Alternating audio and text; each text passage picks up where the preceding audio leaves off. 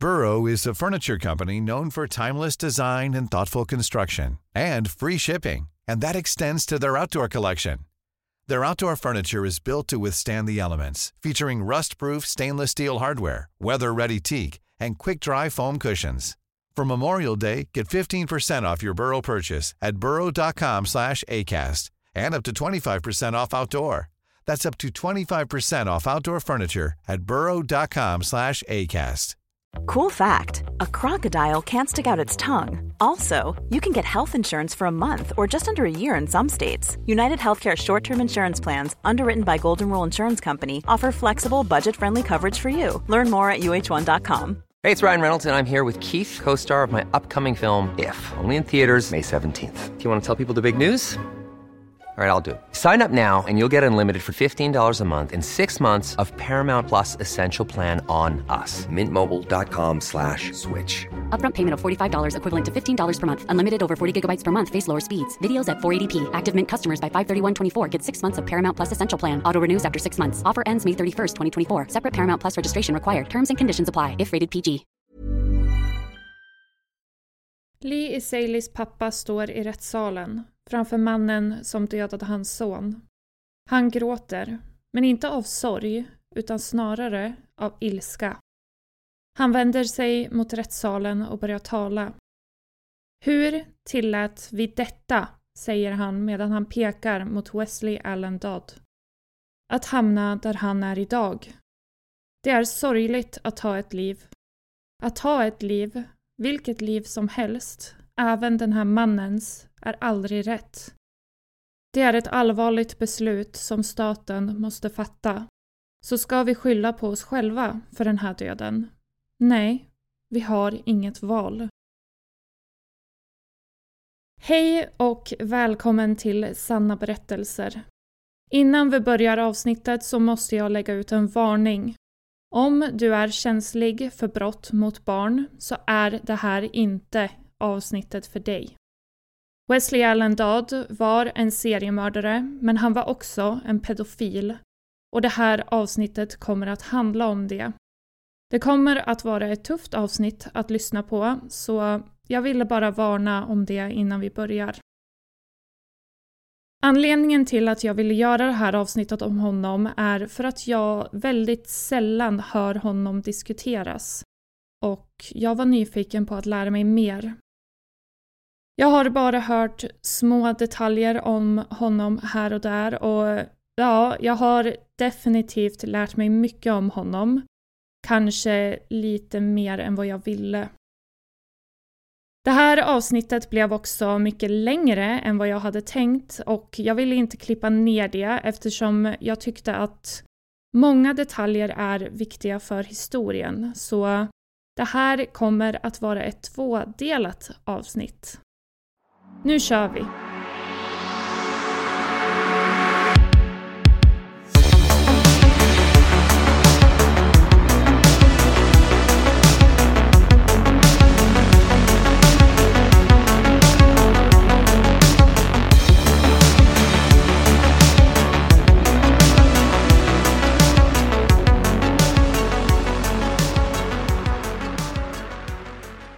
Måndagen den 4 september 1989 vid ungefär 18.15 fick polisen i Vancouver, Washington ett samtal från en tonåring som var på väg hem från jobbet när han upptäckte kroppen av en svårt skadad pojke i David Douglas Park. Han kunde se att pojken antingen var av asiatiskt eller ursprungsamerikanskt ursprung och inte äldre än 10 år. Han kunde se att pojken andades och att han var blodig på överkroppen och benen så han trodde att pojken kanske kunde ha varit ett offer för en smitningsolycka då kroppen låg nära en tungt trafikerad väg. Så fort överste Roy Brown och andra poliser från polisdepartementet i Vancouver kom fram så kunde de dock se att pojken inte hade varit offer för en smitningsolycka. Han hade blivit knivhuggen flera gånger och hade vad såg ut som försvarsskador på sina ben. Eftersom pojken var i kritiskt tillstånd så kallade de på en helikopter som skulle ta honom till det närmsta sjukhuset som låg i Portland. Men tyvärr så var det för sent och pojken förklarades död klockan 19.37 när de kom fram till sjukhuset. Eftersom pojken hade dött i Oregon så tilldelades en medicinsk undersökare från Oregon fallet och han bekräftade vad överste Roy Brown hade misstänkt. Pojken hade dött av knivhugg och det var försvarsskador på hans ben. Vid cirka 21.00 fick polisdepartementet i Vancouver ett samtal från Claire Near vars två söner Billy och Cole var försvunna. De hade lämnat hemmet med sina cyklar vid cirka 16.00 samma dag för att gå till golfbanan och leta efter förlorade bollar som de sedan skulle sälja för att tjäna lite extra pengar. När pojkarna inte hade kommit hem för middag vid cirka 20.00 så hade Claire gått ut för att leta efter dem runt David Douglas-parken eftersom det var den väg de skulle ta från sitt hem till golfbanan. Han hade stannat hos grannar och frågat människor runt området men ingen hade sett pojkarna eller deras cyklar sedan de lämnade golfbanan. Han ringde omedelbart polisen eftersom det var mycket ovanligt för dem att inte komma hem. Detektiv Jeff Sundby hade blivit tilldelad Junior Doe-fallet från David Douglas-parken och även om han bara hade en död kropp på sina händer och inga cyklar hade synts runt den så hörde han ändå varningsklockorna ringa. Mord och kidnappningar var något extremt ovanligt i den här staden. Så att hitta en död pojke och få ett samtal om två saknade pojkar under samma natt var mycket misstänksamt för honom. Hade det funnits en annan kropp i det närliggande området som de helt enkelt hade missat så undersökarna som fortfarande var kvar på brottsplatsen började söka runt den medan detektiv Jeff och hans överordnade kapten Bob Kankoa åkte till Nerfamiljens hus för att se om det fanns några bilder på pojkarna. När de kom in hade Claire redan skrivit ut två stora bilder på sina söner och kapten Bobs hjärta sjönk när han såg att en av pojkarna var deras Junior Doe. De stannade kvar hemma hos Claire och samlade mer information om vad pojkarna hade haft på sig och vilka typer av cyklar de hade. De berättade inte för Claire att de var säkra på att den kropp de hade hittat var en av hans söner. Istället återvände de till brottsplatsen och anslöt sig till sökarna, där de snart hittade två övergivna BMX-cyklar som stämde överens med beskrivningen Claire hade gett dem. De var nu säkra på att de letade efter ett annat offer. Så överste Brown kallade in extra hjälp och utvidgade sökningen. Klockan 02.00 den 5 september hittade de den andra kroppen. Denna kropp hittades cirka 23 meter öster om där cyklarna hade hittats och även denna kropp hade knivhugg och försvarsmärken på benen. Baserat på bilderna de hade fått från Claire Near visste de nu att kropparna faktiskt tillhörde 10-åriga Billy och 11-åriga Cole Near. Utredarna skickade pojkarnas kläder till Washington State brottslaboratorium för analys, men inget av intresse hittades. En detalj de inte gick ut med i medier var att Cole hade hittats med sina byxor neddragna så de visste att de letade efter en sexuellt motiverad mördare och jakten var igång.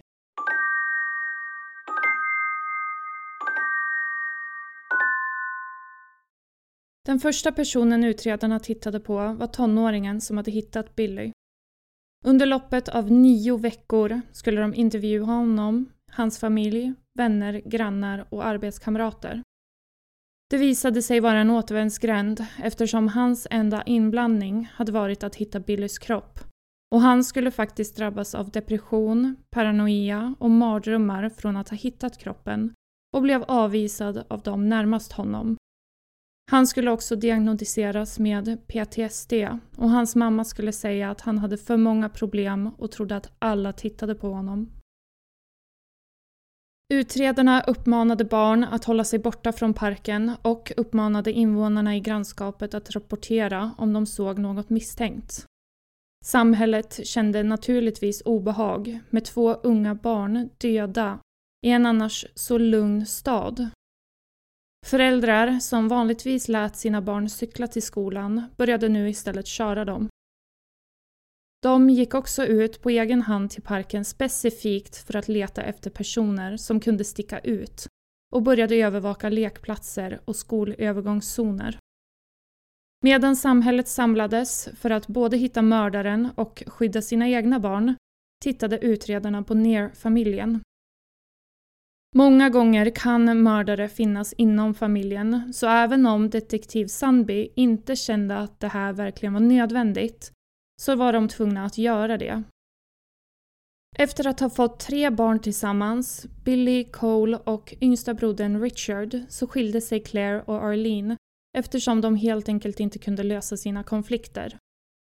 Arlene var medlem i Lake Show Indian-stammen så hon ville flytta tillbaka till North Dakota, där hon var ifrån, och gav full vårdnad till Claire. Grannar berättade för utredarna att nerfamiljen mest höll sig för sig själva men att de var vänliga och omtyckta i grannskapet. Billy och Cole sågs ofta cykla tillsammans på sina BMX-cyklar och var alltid tillsammans.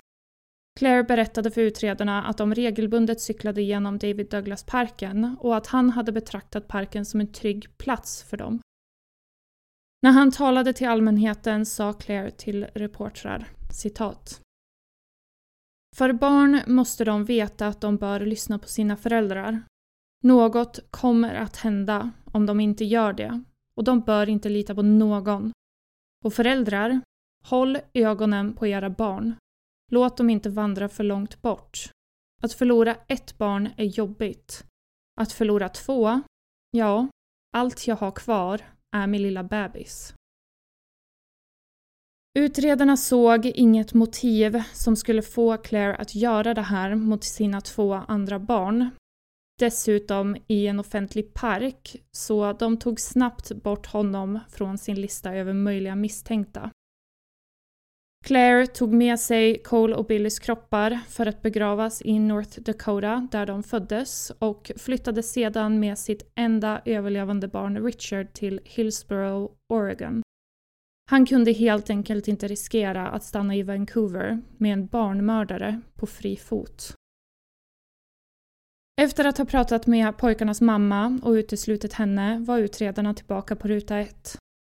Så de intervjuade potentiella vittnen som hade varit i parken vid tiden för morden. Som de uppskattade var mellan 1815 och 1845 baserat på när de sist setts och när de hittades. En av vittnena var en ung pojke som inte hade sett pojkarna men hade sett en man som såg mycket misstänksam ut. Så han fick beskriva mannen för Portlandpolisens skisskonstnär Gene Boyland. Det han beskrev var en man mellan 18 och 24 år med mörkt lockigt hår som hängde ner i pannan, mustasch och var omkring 173 till 178 cm lång. Det skulle ritas andra skisser baserat på andra vittnens beskrivningar men nu när vi vet hur han ser ut visade sig den första skissen vara den som stämde absolut bäst in på mördaren. Faktum är att den första skissen var så slående lik vår mördare att han stannade hemma ett tag på grund av den här skissen. Klockan 13.30 på söndagen den 29 oktober 1989 fick Portlands polisstation ett samtal från Robert Esaley. Hans fyraåriga son Lee var försvunnen.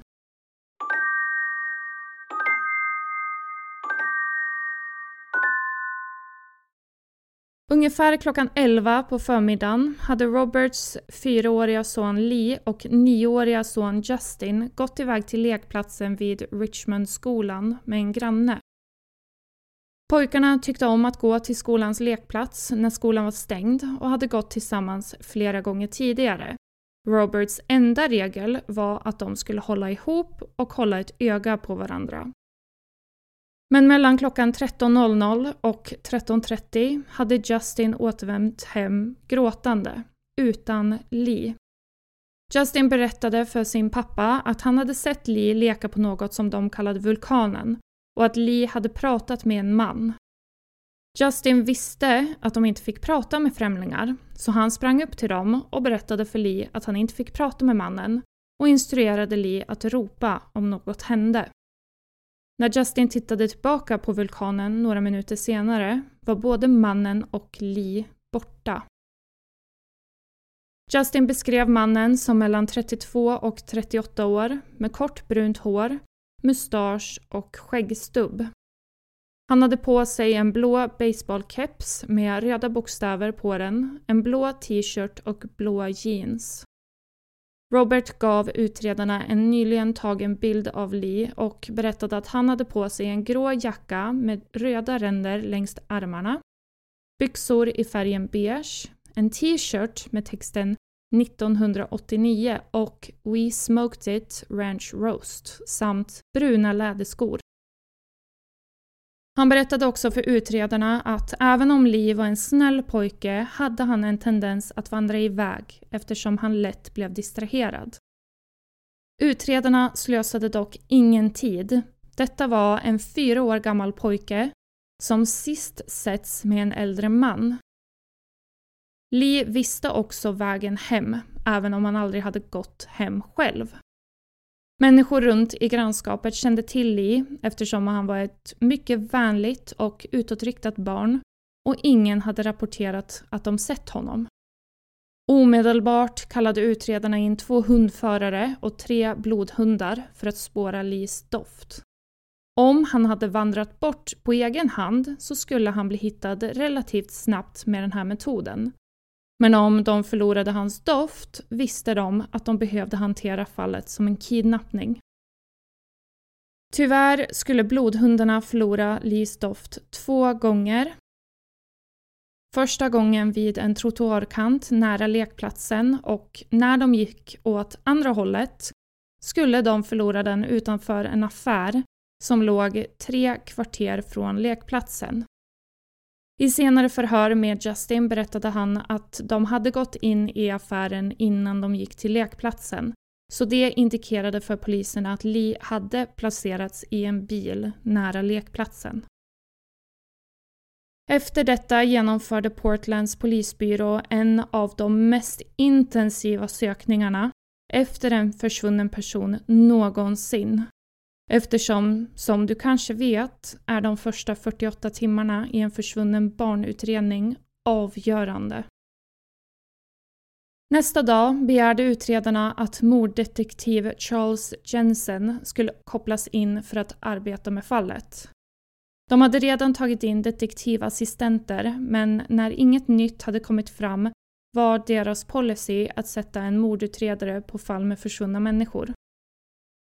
Klockan var 18.00 när Jensen officiellt kopplades in och han började med att gå över till Isaley-huset för att prata med Robert och Justin igen. Robert berättade för Jensen att han och hans fru hade varit separerade sedan februari 1986 och att han hade haft barnen sedan dess. Utredarna hade redan tittat på mamman men det var klart för dem att hon inte hade något att göra med försvinnandet.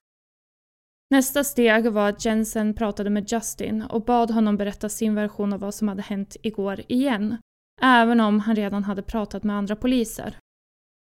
Den här dagen ville han höra om hela deras dag och det var här Justin förklarade för honom att han, Lee och hans vän hade gått till affären innan de gick till parken. Sedan berättade han samma historia om vad som hade hänt för Jensen att Lee hade varit på vulkanen och att han hade sett Lee med en man som Justin hade sagt åt Lee att inte prata med. När Lee sa okej okay, gick Justin tillbaka för att leka med de andra barnen. Jensen frågade Justin varför han lämnade Lee kvar med mannen som fortfarande stod bredvid honom. Och Justin sa att han inte visste och att han bara sprang tillbaka till fortet som var en annan lekstruktur cirka 6 meter från vulkanen. Jensen ville få en tydligare bild av vad som hade hänt så han och Justin åkte till lekplatsen där Justin gick igenom allt igen. Jensen kunde se att fortet och vulkanen var tydligt synliga från varandra och att om Lee hade skrikit skulle människor lätt ha hört och sett honom bli bortförd. Något med Justins berättelse stämde inte enligt Jensen så efter att han och Justin hade avslutat vid lekplatsen gick han för att prata med två av de andra barnen som hade varit på lekplatsen vid tidpunkten för bortförandet. De hade varit där tillsammans och hade spelat lite fotboll med Justin utan att riktigt lägga märke till Lee. Jensen frågade dem om de hade sett några vuxna runt lekplatsen och de sa att de hade sett en pickupbil med cirka fyra eller fem personer i den och en hund.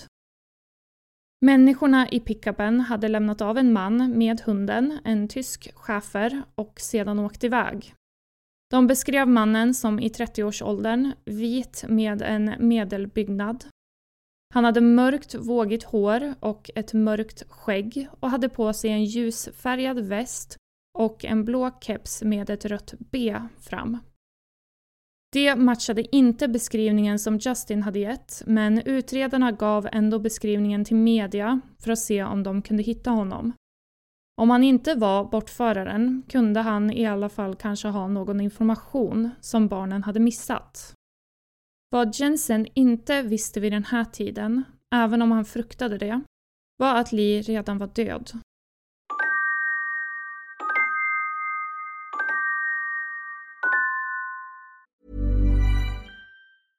Hey, I'm Ryan Reynolds. At Mint Mobile, we like to do the opposite of what Big Wireless does. They charge you a lot we charge you a little. So naturally, when they announced they'd be raising their prices due to inflation, we decided to deflate our prices due to not hating you.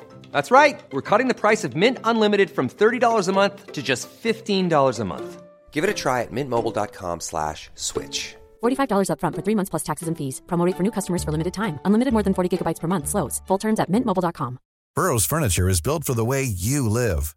From ensuring easy assembly and disassembly to honoring highly requested new colors for their award-winning seating, they always have their customers in mind. Their modular seating is made out of durable materials to last and grow with you. And with Burrow, you always get fast, free shipping. Get up to 60% off during Burrow's Memorial Day sale at burrow.com slash ACAST. That's burrow.com slash ACAST. burrow.com slash ACAST. Efter att ha pratat med några fler av barnen på lekplatsen kände sig Jensen sig mer övertygad än någonsin om att Justin ljög om vissa delar av sin berättelse, så han intervjuade honom igen. Den här gången erkände Justin att han faktiskt inte hade lekt vid fortet som han tidigare hade sagt, utan att han hade spelat fotboll med några vänner. Lee hade kommit över för att prata med dem en stund och hade sedan gått ensam för att leka på vulkanen.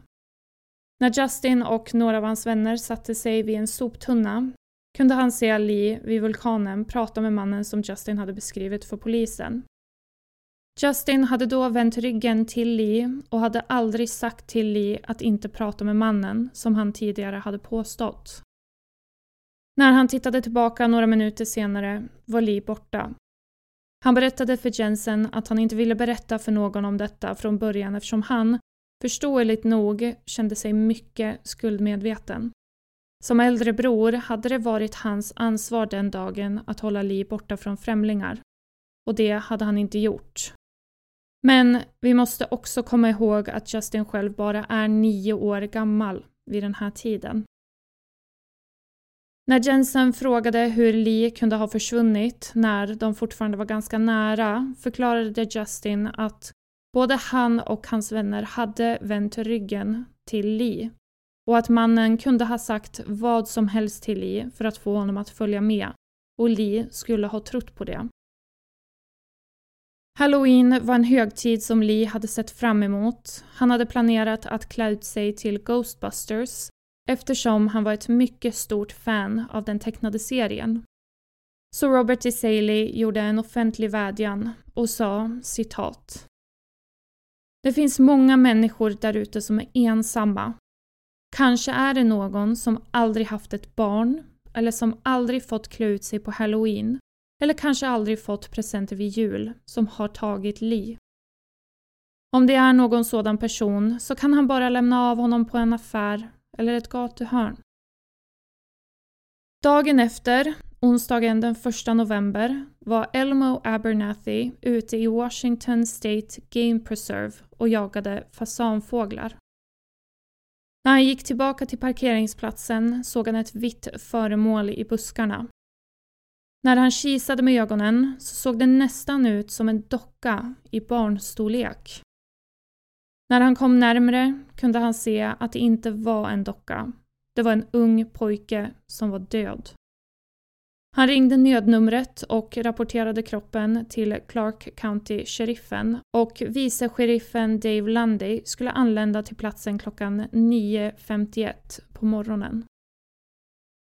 Lundy höll sig på avstånd för att undvika att förstöra platsen och såg en ung pojke liggande på rygg, naken. Hans ben var särade och även om det fanns lite bråte runt om och på kroppen så verkade det inte som att någon ansträngning hade gjorts för att dölja den.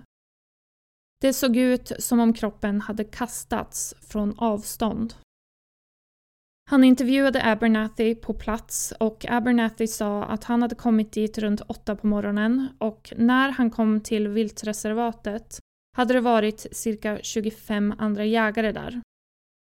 Jakten hade gått trögt den dagen så han gick tillbaka till parkeringsplatsen tidigare än han hade planerat, vilket var ungefär en och en halv timme senare klockan 9.30 på morgonen. När han gick tillbaka hade hans hund gått över till något i buskarna som han först trodde var en docka, men när han såg kroppen och såg dens citat ”Lilla Peter” visste han att det var en riktig pojke.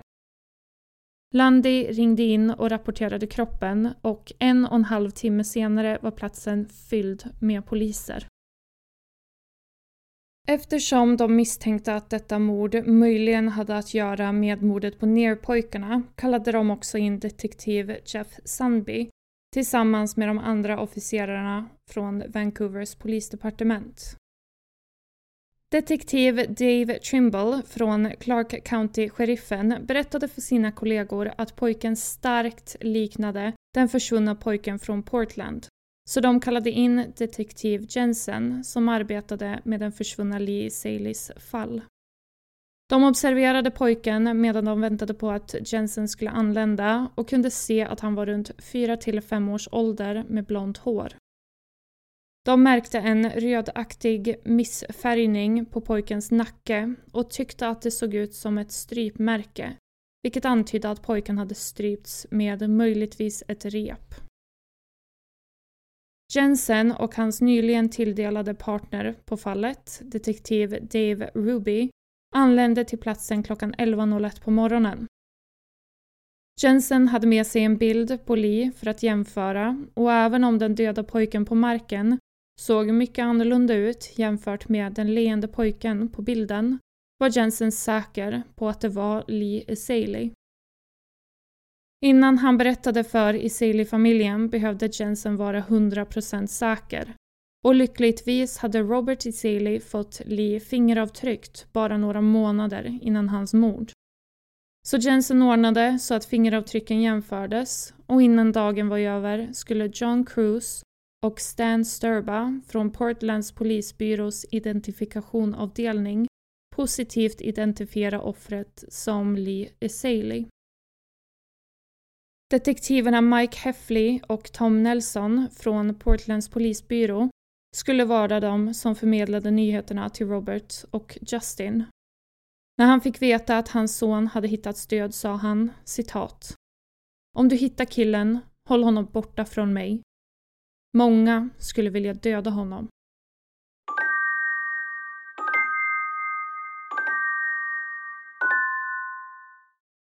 På eftermiddagen utfördes en obduktion av Lees kropp vilket kom fram till att han hade dött till följd av strypning.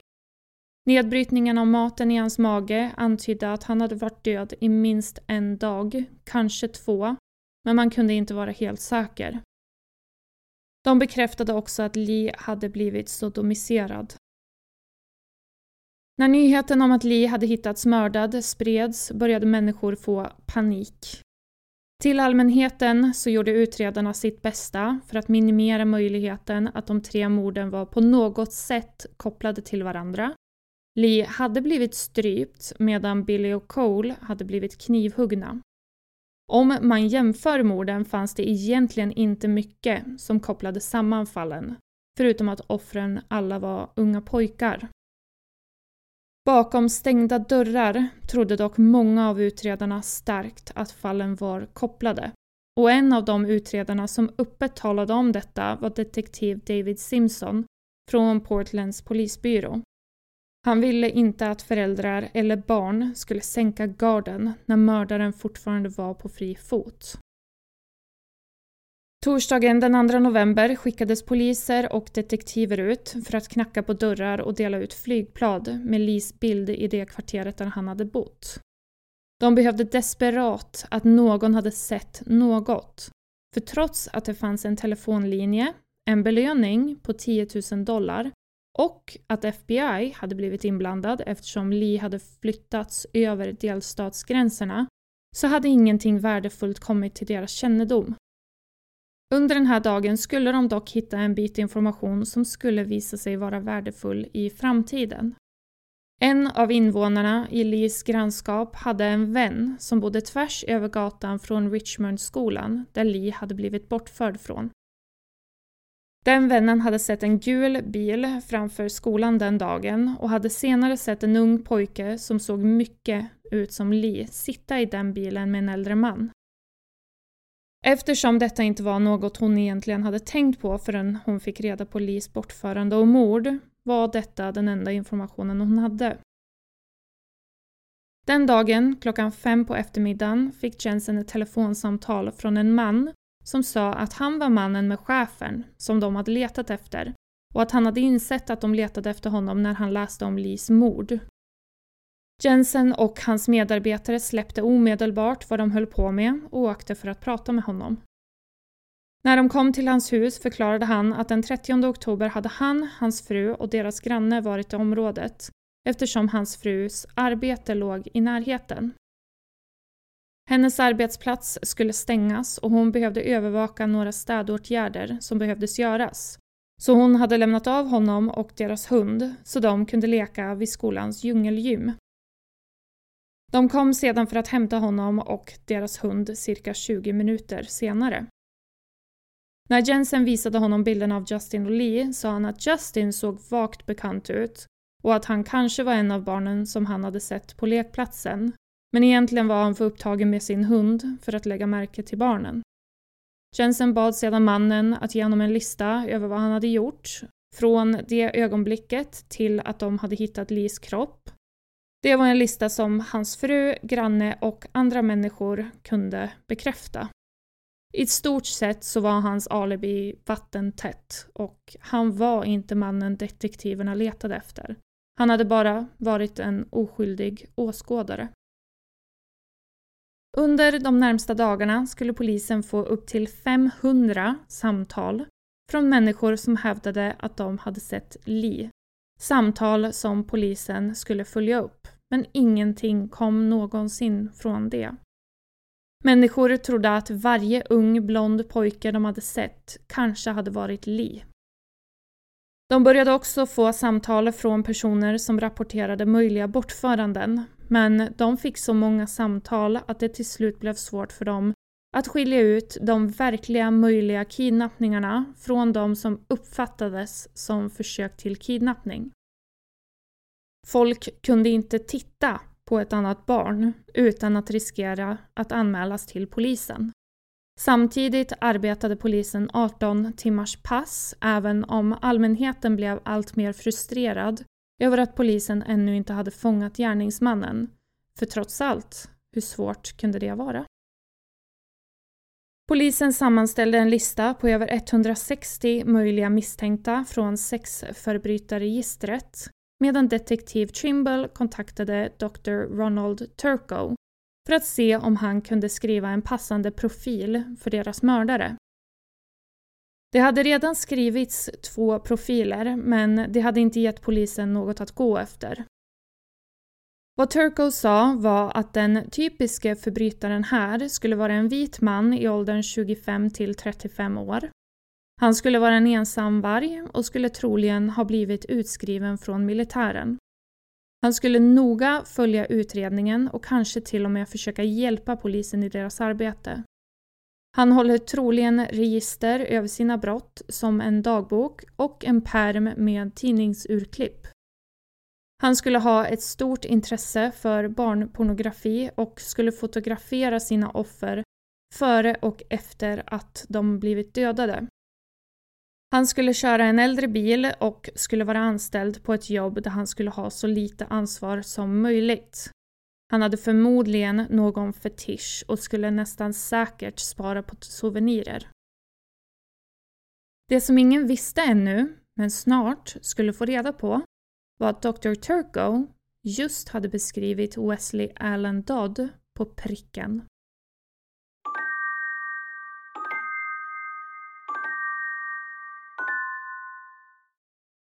Det var del ett av historien om Wesley Allen Dodd, seriemördare och pedofil. Som jag sa i inledningen så kommer det inte att vara en lätt historia att lyssna på och nästa del kommer att vara ännu tuffare.